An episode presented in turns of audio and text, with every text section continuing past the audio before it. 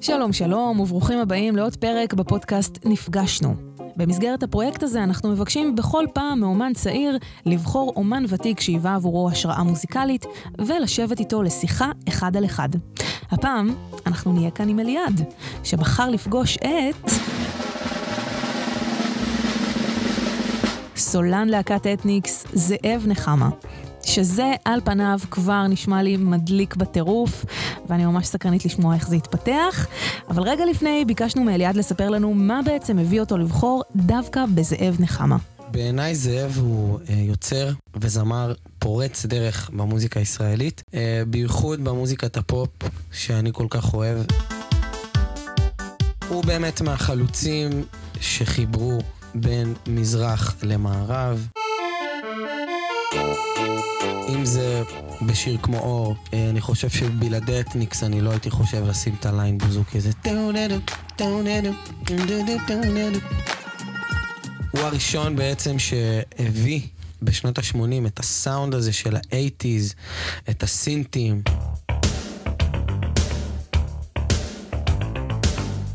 זה גאווה מאוד גדולה עבורי לראיין אותו, ויש לי המון המון שאלות, אני סופר סקרן לדעת הרבה דברים. גם אנחנו הגענו סקרנים למפגש הזה. לכאורה, החיבור בין אליעד לזאב נחמה כמעט מתבקש. שניהם מעריכים ואוהבים פופ, שניהם כותבים לא מעט לאומנים אחרים, ושניהם מערבבים מזרח ומערב. אבל בכל זאת, האווירה הים תיכונית של אתניקס היא לא בדיוק ה-R&B והסול של אליעד. אז מתי, איפה ואיך עבדה ההשפעה המוזיקלית? יאללה, זו ההזדמנות לגלות. לי קוראים לבנת בן חמו. אתם אתם, והנה זאב נחמה ואליעד. אז בכבוד רב ובאהבה גדולה, אני גאה ושמח לשאול, מה שלומך, זאב נחמה? אז בכבוד גדול, אני יושב פה מולך, ואני שמח לשבת מול דור צעיר שעושה מוזיקה כמו שאני אוהב. איזה כיף. אני רואה בזה סוג של אה, המשך המסע של התפתחות התרבות הישראלית בכיוון שאני גם אה, באתי ממנה, מאלה שהתחילו לפנינו, וגם אה, שאתם ממשיכים אותה כדור חדש, וזה מרגש. אתם בעצם, הדור ההוא, אתם החלוצים של הטשטוש. לפניכם היו גבולות מאוד ברורים בין מוזיקה מזרחית למערבית. אז מה שאני מאוד אוהב, ומה שאני גם לוקח אצלי במוזיקה כהשראה מאוד גדולה ממך, היא הטשטוש בעצם. לפני שאתם הגעתם למוזיקה הישראלית, כולם הבדילו. זה ים תיכוני, זה ככה, זה ככה, ואתם פשוט הגעתם ושברתם את כל המחסומים, ואף אחד גם לא יכל להגדיר את המוזיקה שלכם.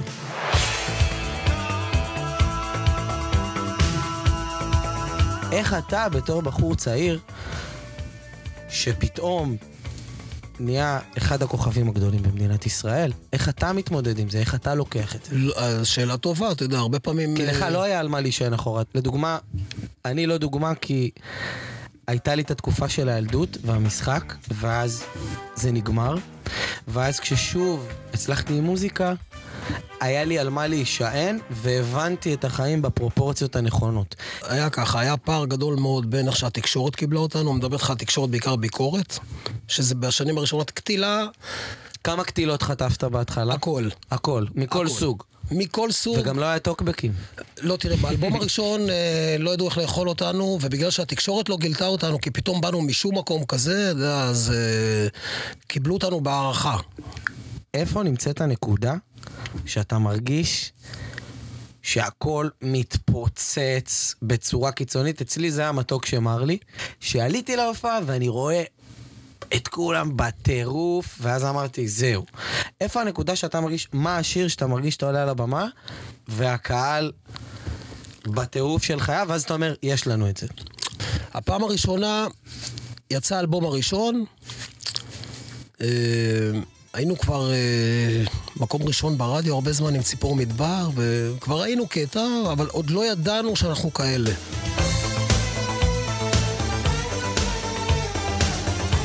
עוד עשיתי מילואים, ואתה יודע, אה, כאילו רגיל בצבא, ולא לא להקה צבאית, לא כלום, לא... ופתאום אני מגיע, אה, קובעים לנו יום אחד, אומרים לנו, אה, בדיוק כשהתחיל ה booking של ההופעות, ההופעה הראשונה שלנו, מודיעים לנו שיש לנו הופעה בווייסגל ברחובות. אף אחד לא אמר לנו שזו הופעה שלנו. וכאילו שזה הערב שלנו, עוד לא היה לנו מספיק גם כדי לתת ערב שלנו, שרנו את אה, Passenger של איגי פופ, ושרנו את הפרח בגני של זוהר. בקיצור, אה, כאילו אנחנו עולים לבמה, באנו מהבית, זה היה הקטע הראשון של אתניק, שכבר מאז לא ידענו להתלבש.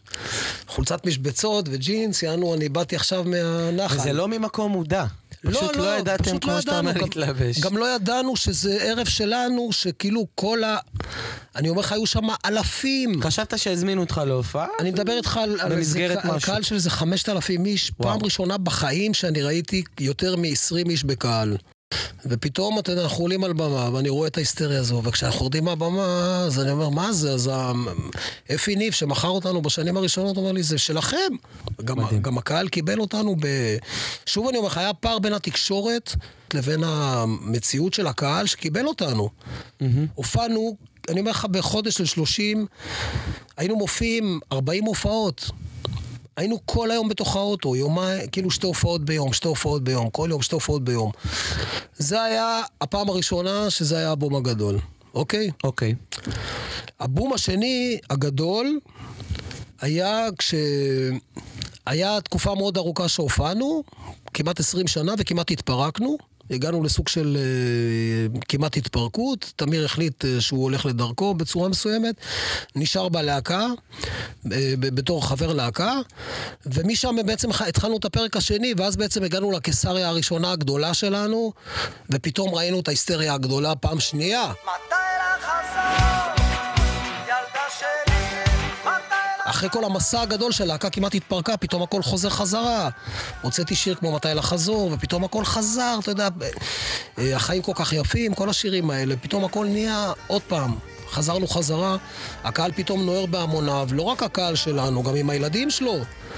והסבא והנכד והאבא. הרגשת ניצחון בלראות את כל המשפחה במופע? זה, היית- זה היה הניצחון הראשון, זו הייתה ההרגשה הכי גדולה. כי אני גם מרגיש ככה בהופעה כשאני רואה את כל אבל הגילאים. הניצחון האמיתי, האמיתי, האמיתי, המופע המשותף עם אייל, שהופענו במנורה, מופעים סולד אאוט מפוצצים. פתאום אני עולה לבמה, עשינו במה עגולה מול 12,000 איש, ואני לא צריך לשיר. אני שומע נעמה של כל השירים שישבתי בשלוש בלילה. גם בהיכל אתה מקבל את זה אתה מכיר את זה שאתה קצת כן... דיליי כזה. לא, אבל אתה יודע, אתה יושב בבית ואתה כותב את השירים בלילה לבד, ואתה לא יודע מה יקרה, ואתה מדמיין, זה כן יעבוד.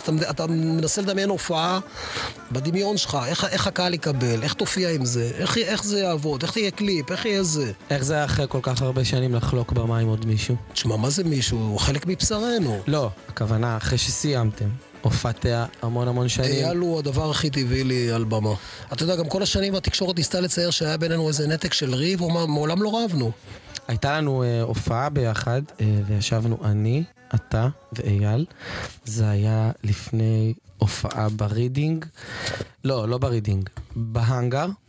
איזשהו ערב, איזשהו פסטיבל, ואתם אה, אה, ישבתם והרצתם חוויות על איך הייתם משנים את המילים כן. לשירים. כי מרוב ששרתם אותם, כבר נהיה לכם משעמם, אז הייתם ממציאים מילים אחרות לשירים על הבמה. יש לך איזושהי דוגמה ככה לתת לנו? זה הכל היה גס. אבל אני אגיד לך יותר מזה, היום אנחנו כאילו מגיעים לאותם נקודה, אתה יודע, עברו 20 שנה, ופתאום אנחנו מוצאים את עצמנו עומדים על הבמה, אנחנו כבר ילדים גדולים. אתם עושים את זה כזה בבלנס? לא, אנחנו מסתכלים אחד על השני, והקהל לא יודע, יש את המקומות שמגיעים המילים האלה, שאנחנו כן. יודעים שזה קיים, זה כאילו, זה חרוט לנו. בתוך ה-DNA, בתודעה. ואנחנו צריכים לשיר את המילים הרגילות, למה זה מכובד, אתה יודע. כן, אוקיי, אז תספר לי אחרי זה את כן, השינויים. ופתאום, ואנחנו מסתכלים אחד על השני, וישר מתחילים לצחוק, אי אפשר. המזל שלנו שזה, אמרתי לאייל, זה כמו קריוקי המופע הזה, הקהל שר הכל. מדהים. יש לי ים של כוח ובן טוב, אפשר לדבר על קריוקי בלי להזכיר את בם ושחורה, אולי הלהיט הכי גדול של אתניקס. מדובר באחד השירים הרקידים ביותר שהלהקה הקליטה אי פעם, שבזמנו היווה גם שינוי כיוון מוזיקלי, מהפופ המובהק של שנות ה-80 לחפלה של שנות ה-90. אבל מעבר להרמות, בם ושחורה, כולל גם כמה אמירות מאוד משמעותיות על מקומם של מזרחים בתרבות הישראלית. השיר הזה וה- וה- והנקודה הזאת זה בעצם מה שכאילו, זה מה שכאילו הכין את הקרקע לאייל, לשרית, אה, אה, מה שטיפקס עשו אחרי זה והביאו איתם. אייל, אייל היה, אה, שנה כבר עבדנו איתו. אני זוכר שהוא בא אליי הביתה והשמעתי לו את השיר הזה, ואז הוא מסתכל ואומר לי, כתבת את זה עליי? כי זה היה עם הדיסק באוטו שתלוי וכל ה...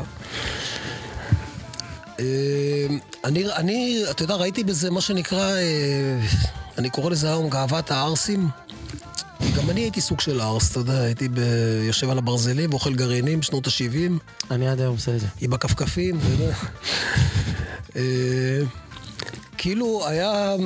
היה מין קטע כזה של אה, זה בושה להיות ארס, אתה יודע, ארס בהגדרה, כן, לא במילה המכוערת שלה. ואז אני אומר לעצמי, אתה יודע, בעצם אלוויס פרסלי גם היה סוג של ארס, אתה יודע. גם מייקל, כולם היו ערסים. אתה ג'ון לא לא לנון. היה ארס, אחי. נכון. אני חושב שארס זה אה, אה, אה, כל התכונות של גבר בקיצון.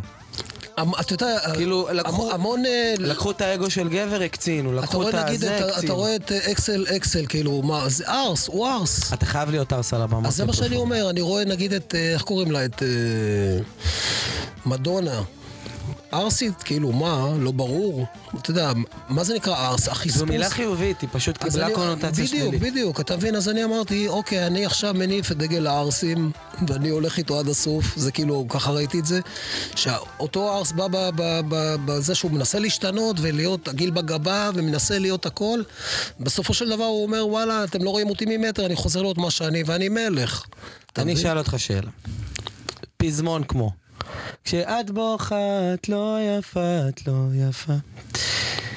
אם היה לזה עיבוד מזרחי, וזה היה כשאת בוכה את לא יפה, את לא... זה לא היה נכנס לרדיו. היו מסתכלים על הטקסט באותה צורה שמסתכלים על זה בגרסה הזאת או בגרסה הזאת? היו אומרים על זה שזה פחות איכותי מהשני? אז אני? אני אגיד לך איפה כל הקלפים נטרפו. כשחנה להתבלבלה כתב אלתרמן.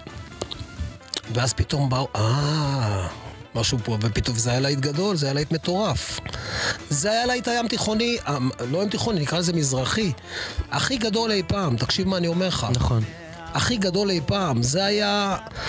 אני, אני אומר שבכלל הניצוץ התחיל משם, לא מאיתנו, מה, מהנקודה הזו, אתה מבין? אני מבין לגמרי. אני גם חושב ש... שזה מחזיר אותנו לנקודה של תחילת השיחה, של הטשטוש הזה. וכאן הייתה הבעיה של המוזיקה הישראלית, כי יכלו לקבל באהבה זמרים שישירו כשאת בוכה את לא יפה, ומה הדאווין שלך, או טקסטים אה, אה, אה, שהם לא עכשיו ביאליק, אבל אם היה שר את זה מישהו מה, גם קלף מהשכונה... לבוא בידי במבם. לגמרי, ואם היה שר את זה מישהו מהשכונה, זה היה, זה היה, זה היה נשמע לא נכון. טוב לאוזניים. והיום מה שקורה, זה שהדבר הזה מת. זה מת. זמרים מזרחים, שרים פופ, אחים ערבים. אני, לפ- אני שומע את השירים האחרונים של עומר. אדם, ואני אומר חבל שהם לא שלי, זה שירי פופ. תקשיב, מספר לך משהו שידהים. אותך. ב-96, שזה לא מזמן, שבאנו עם הסינגל הראשון, אני באתי עם הסינגל הראשון להקליט אה, באחת התחנות הכי פופולריות. אה, ג'ינגל אה, בבטיחות בדרכים, לא בתחנה הזו, כן? ומנהלת התוכניות, בחורה מאוד מכובדת בתקשורת. אני בא עם הסינגל הראשון של אייל גולן, ורואים את הפנים, ובפנים, אתה יודע, הוא קצת כהה. אז היא מסתכלת על זה, ועל פי הפנים היא אומרת לי, תגיד, זה מזרחי? אני אומר לה, מה זאת אומרת מזרחי? היא אומרת לי, זה טננה ניידנן, כזה של גיטרות, של הים תיכוני? אני אומר לה, את יכולה לקרוא לזה ככה, אז היא ככה זורקת לי את זה על השולחן, ככה בתנועה הזו. ואומרת לי, דברים כאלה לא משמיעים בתחנה שלנו. אז ככה התחיל כל המסע שלנו מהנקודה הזו עם אייל, שדרך אגב, את השלבים האלה אנחנו כבר עברנו קודם. כשהקלטנו עם זהבה גם כן אמרו לנו לא. כל הזמן אמרתי, כל פעם שהיו אומרים לנו לא, זה עוד יותר היה מדרבן אותי כאומן לקום בבוקר ודווקא, כאילו, מה זה להגיד באומנות לא? אם אתה עכשיו נגיד אה, ואן גוך, אתה רוצה לצבוע את השמיים באדום, מישהו יגיד לך, אל תצבע אותם באדום כי השמיים כחולים? לא. ההפך, אם אתה אומן, אתה צריך להגיד לו, לא, השמיים הם לבנים ושחורים וכחולים ואדומים וכתומים וירוקים, ואתה יכול לראות את כל הצבעים. נכון. אתה צריך, אתה צריך לתת לו את הכלים לראות את הדמיון.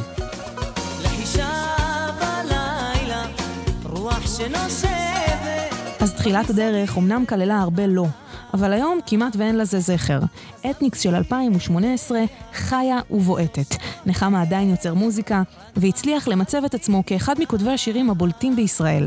אתה כתבת להמון, המון, המון אמנים. לשרון חזיז. שוגר, שוגר, יא, יא, יא. לשרית חדד. הכל סגור, הכל מובן, איתך חבל לי על הזמן. לשלומי שבת. היום בדיעבד, 20 שנה אחרי, הכתיבה לאחרים השפיעה עליך? על היצירה? כי יש את השאלה, מה, אתה לא מתבאס לתת שיר למישהו אחר, סלאש, אה, וואי, חבל שהשיר הזה לא שלי, או הייתי יכול להשקיע יותר בעצמי וברפרטואר שלי מאשר לפזר אותו. ברור שהשירים חוזרים אליך אחרי זה, ואתה שר שירים שכתבת לאייל ולשרית והכל, וזה שלך וזה חתום עליך. אבל עדיין, אתה מבין מה אני שואל? שיר כמו אישה נאמנה, ישי לוי. איך אני יכול לשיר אותו, תגיד לי?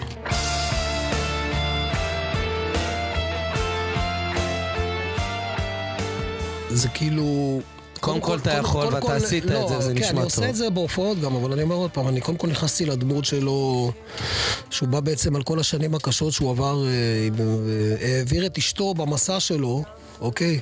כל המסע של הגמילה והסמים, ואני גם מכיר את ישי לוי כל כך הרבה שנים, שאני מכיר את המסע גם. וכשהוא בא אליי וביקש ממני שיר, אני אמרתי לו, אני כותב לך שיר על הנאמנות של איריס אליך. כאילו, היה ברור לי... רק הוא, זה לא רק הוא יכול לשיר את השיר הזה, גם הוא שר אותו בצורה הכי נכונה, כי זה בא מתוך ה... כאילו, מתוך הדמות, אני ממש נכנסתי לדמות שלו כמו שאני מכיר אותו כחבר, וזה היה לי מאוד קל להוציא את זה, אתה מבין? אני מבין. יש לך, אה, לדוגמה, כשאמן מבקש ממני שיר, והייתה לי את הזכות אה, לעשות דואט עם ריטה, ועם אה, דואט עם שמעון בוסקילה, ולאחרונה גם כתבתי לשלומי שבת, אתה מזמין אותם אליך הביתה ועובד איתם כמו חייט שתופר חליפה, או שאתה גם יכול לכתוב בבית ולהגיד, וואו, זה ממש יתאים לו. האם האומן שאתה כותב לו מעורב בתהליך? אני נורא אוהב שהוא יושב לידי, גם אם הוא לא כותב או מלחין, רק בשביל לספוג את הווייב שלו. אז איך אתה כאילו סופג את הווייב? איך אתה כאילו אני הכנסת סו- את אני- עצמך אני- לדמות של ישי? אני סופג, אני בדרך כלל סופג את הווייב רק מאיזה שאני מכיר. לא בזה שאני יושב ביחד. קל לי מאוד אה, לכתוב למישהו שאני מכיר אותו, כי אז אני גם יודע, נגיד שלומי, שלומי חבר, אתה יודע. ישי חבר, אייל חבר, אתה יודע, שרית בזמנו היינו בתקופה שהיינו חברים טובים מאוד. אה, זהבה, חברה. כל האנשים האלה שאני מדבר עליהם, כל, כל אחד שאני מחובר אליו כבן אדם, כחבר, קל לי מאוד לכתוב. חיים משה, התמונות שבאלבום, קל לי מאוד לכתוב ולהתחבר ולתת להם את, ה, את השיר בנקודת מבטם, כי אני מכיר אותם. התמונות שבאלבום, ילדות שלא נגמרת. במקומות שהזמינו ממני שירים, בכל המקומות האלה כשלתי. אני אגיד לך יותר מזה, גם uh, שיר הכדורגל של אייל, זה שיר מוזמן, ואני עד היום חושב שזה הדבר הכי גרוע שכתבתי. באמת? כן. זה השיר שהיית מגדיר שהשיר שלך שאתה הכי לא, פחות אוהב? אני לא הייתי מקליט אותו, מצד שני, אני לא מתעלם ממנו, שהוא כזה ענק, ואנשים כל כך אוהבים אותו, וגם אנחנו מסיימים איתו את המופע הגדול. אני לא מתעלם מזה, אתה יודע, אבל זכותי כאומן שעשה עשה אותו, לא, לא לקבל אותו, אתה יודע. להגיד, אתה יודע, בתוך המסע האומנותי שלי, אני יכול להגיד לך ש... 20% מהדברים הייתי עושה אחרת. שזה סבבה לגמרי, כאילו. אמנם זאב כבר יכול להגיד ש-20% מהיצירה שלו הוא היה עושה אחרת, אבל אליעד, לעומתו, עדיין בתחילת הדרך. הרבה מדברים על אליעד הזמר המבצע. אבל כדאי לזכור שמדובר במוזיקאי יוצר, כותב, שמקבל יותר ויותר הכרה גם בגזרה הזו. שאלה שמעניינת אותי בתור אה, כותב שירים. אה, יש לך יותר מדרך אחת לכתוב ולהלחין, או ש... תראה, בדרך כלל יש לי הפרעות קשב, אמרתי לך, אז קשה לי מאוד אה, לרכז את עצמי במחשבה. אני קשה לי להאמין שהייתי יכול לכתוב ספר כמו הארי פוטר, למרות שהייתי מת לעשות את זה, כן? מהמם.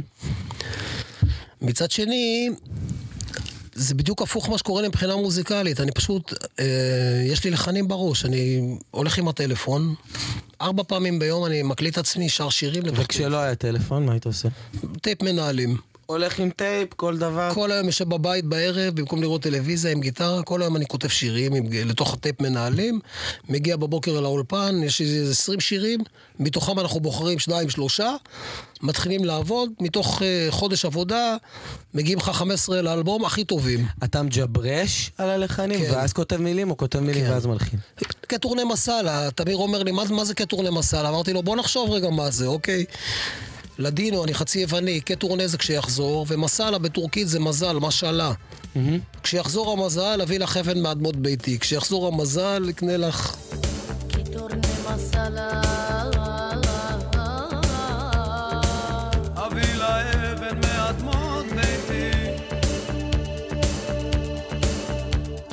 אני 95% מג'ברש. אתה גם? תותים היה גם, תותית, זה היה טה-טה, טה-טה-טה-טה, טה-טה, אז אמרתי תותים, טה-טה-טה-טה, ומזה התחלתי לסיפור שלם.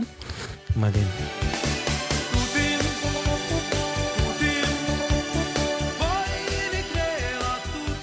ושאלה לסיום, מה מקור השם אתניקס? שוב טעות. היינו, קראנו לעצמנו, אחרי מוסקבה קראנו לעצמנו אומנות וחברה, זה היה כזה יפה, art and society באנגלית, זה התאים לכל הלהקות האייטיז האלה באנגליה. ואז אה, רוני בראון הציע הצעה, הוא אמר, אתם תהיו אתניקס, כאילו אתני, ו-X זה יהיה המערבי. כאילו החי- החיבור בין המזרחי למערבי, האתני וה-X. ואני הסתכלתי, אמרתי, זה הדבר הכי מטומטם שאי פעם שמעתי בחיי, ומעולם אני לא אקרא ללהקה שלי אתניקס. ואתה יודע, הכל היה כל כך מהר, השירים רצו לרדיו, והיה כבר חוזים, וחתמנו, וזה, ואתניקס, ולאלבום ראשון קראו אתניקס. מדהים. היום אני חושב שזה מבחינה מיתוגית, זה שם גאוני. מבחינה מיתוגית זה גאוני. גאוני. ושים לב שרוב הדברים הגאוניים שקרו לך קרו בטעות. כן. זאת אומרת שכנראה שיש לך השגחה עליונה ורצו מלמעלה יש לי שתעשה שיר כזה, מוזיקה. ים של טעויות. ים של טעויות, אז זה על זה. וקודם כל אני רוצה להגיד לך תודה, למדתי ממך המון. בכיף. אם הייתי יכול להמשיך את השיחה הזאת, אה, הייתי ממשיך אותה לנצח. זה היה כיף גדול, ויאללה, בוא, בוא לאולפן, בוא, יאללה. בוא נקליט משהו. דואט, יאללה. חומוס ומקליטים. סגור. תודה רבה, זאב בכיף, נחמה. אחי, בכיף. זהו, האזנתם לפרק נוסף של הפודקאסט נפגשנו. תודה רבה לעורך הפרק חנן ברנדס, גם למפיקים גיא יניב ונדב שיק. לעורכת הדיגיטל הראשית שירה לוקסנבורג וליאיר בשן על הסאונד. לי קוראים לבנת בן חמו, אני מזמינה אתכם להאזין לעוד פרקים ועוד פודקאסטים מעניינים. אפשר למצוא אותם גם באתר וגם באפליקציית גל"צ וגלגלצ. צ'או. יצא לכם טוב? וואו, תודה, היה מדהים.